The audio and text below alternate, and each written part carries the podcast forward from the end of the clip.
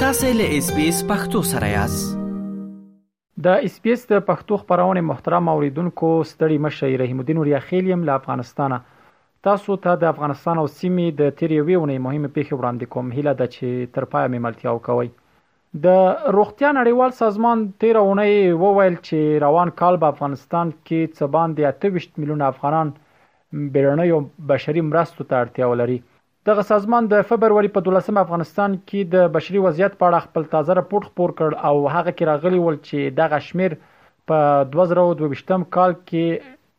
24.3 سلنه و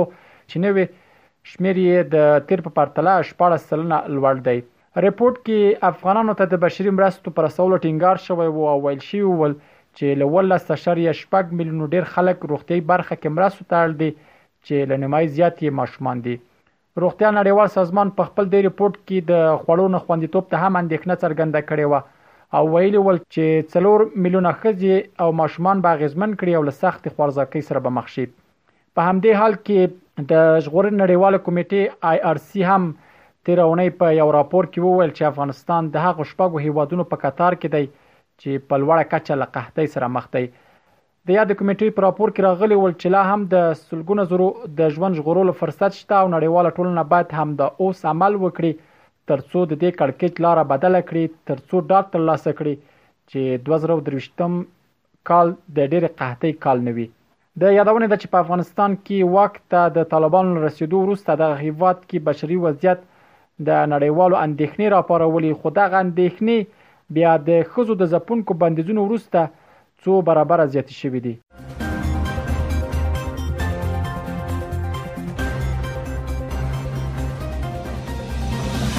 د طالبانو د کابینې ځینې لوړپوړو چارواکو تیر اونۍ په پله پسې توګه په مستقیم او غیر مستقیم ډول پر خپل مشرتابه ملا هیبت الله خونزاده نیوکې وکړې د طالبانو د کورنۍ چارو وزارت سرپرست سراج الدین حقانی خوست ولایت کې وی غونډه ته وویل اوسنۍ وضعیت د زغملو نه دی او طالبان باید ولس ځان تر نږدې کړي د طالبانو د دفاع سرپرست وزیر ملا یعقوب مجاهد وویل تکبر باید ونشي او د ولس مشروع غوښتنې دې ومنل شي د طالبانو د قانون سرپرست وزیر شهاب الدین دلاور وویل ازادي خلک اخلي خو د مشرانو غلطې پریکړې لمنځه وړي د طالبانو بل چارواکي او د دې ډلې د رئیس الوزرا مرستیال عبدالسلام حنیفي وویل، د یو مفتي دنده یوازې د ممنوعیت لګول نه دي، بلکې حل لار هم باید ورته وړاندې کړي. دغو طالب چارواکو که څه هم په زغرده د چا نوم وانه خیست، خو په ظاهراً دوی د هغو یو شمېر فارمرونو په اړه خوشحاله نه دي چې د دوی مشرتابه ملا هیبت الله اخوند لخوا صادر شوي دي. خو د طالبانو ویاند ذبیح الله مجاهد بیا د خپل مشرانو د دې نیوکو په ځواب کې وویل په امیر یا هم کوم دولتي چارواکي ک نیوکه کیږي هغه باید په پټه توګه مطرح شي نو مړی بیا د دې ترڅنګ دا هم ویل په هغو کسانو چې نیوکه هم کیږي باید دا برداشت ولري ځکه شاید زرګونو کسانو په ځړ کې دا خبرې وي خو نشي به ویلای له دغو نیوکو وروسته له ځینو سره اوس دا اندېښنې پیدا شوي چې ګڼی طالبان د واک پر سر د جدي داخلي اختلافاتو سره مخ ده. خو ځینې نور بیا د طالبانو تر منځ د اختلاف اصلي لامل د دوحې تړون قرارداد یادوي چې په وینا یې د ملابرادر په شمول هغه کسان چې په نړیوالو اړیکو باور لري باید هغه ژمنې پوره کړي چې له امریکایانو او نړیوالو سره یې کړې دي خو برعکس بیا د ملاحبت الله خونزاده او ډله له دې قرارداد سره البته د امریکا نو سره کوم قرارداد په دوه کې سوی لدې قرارداد سره مخالف دي د یادونه ده چې دا انتقادونه داسې محل مطرح کیږي چې د طالبانو مشرتابه ملاحبت الله خونزاده چې لا تر اوسه پر رسنیو کې نه درخکاره شوی پر ښځو د محدودیتونو د فرمانونو په ګډون ټول فرمانونه له کندهار څخه صادروي.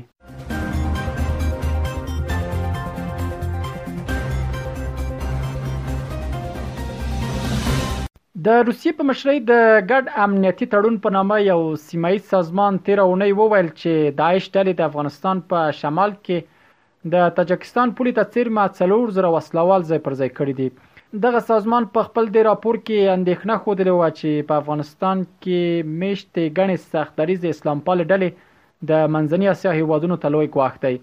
د روسیې د دولتي اژانس تاس د ګډ امنیتي تړون سازمان مشر انتولي سیدوروف له قوله ویلي ول چې داعش غړو شمېر په افغانستان کې لوړ شوی او اوس یې شمېر شپږ زره او پنځه سوه تنو ته رسېدلی. هغه ویلي ول چې له دې ډلې څلور زره کسان یې د افغانستان په بدخشان، تخار او کندز ولایتونو کې له تاجکستان سره پولې ته نږدې ځای پر ځای شوي دي. همدې اندېښنو ته په کتو د ګډ امنیتي سازمان غړو هېوادونو ټینګار کړی و چې له افغانستانه د تاجکستان خاورې ته پېښېدونکي ګواښ ته اجازه نه ورکوي. ورته وخت کې د ملګرو ملتونو د بندیزونو د ملاتړ ارزونې تحلیلي کمېټې هم په خپل یو راپور کې چې د فبروري په څوارلس مه یې خپور کړی و لیکلي ول چې افغانستان اوس هم د ترهګرۍ سرچینه ده. د دغه سازمان راپور کې راغلي ول چې دا مهال داعش، القاعده، تحریک طالبان پاکستان، د ازبکستان اسلامي تحریک،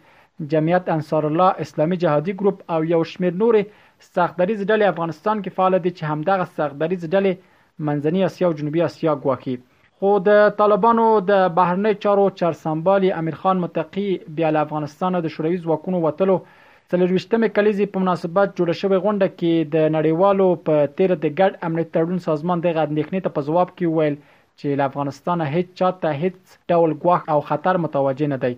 هغه له نړۍ په ځانګړي ډول ګاونډیو هېوادونو وغوښتل چې په افغانستان کې دې د داعش ډلې شتون په اړه له تورونو ډډه وکړي د ګډ امنیتي سازمان غړي هیوادونه او د ملګرو ملتونو سازمان داسې مهال په افغانستان کې د داعش ډلې حضور په اړه اندېښنه څرګندوي چې په دې وروستیو کې همدې ډلې البته داعش په افغانستان کې د یو شمیر لوی چاودنو او بریدونو مسولیت منلی دی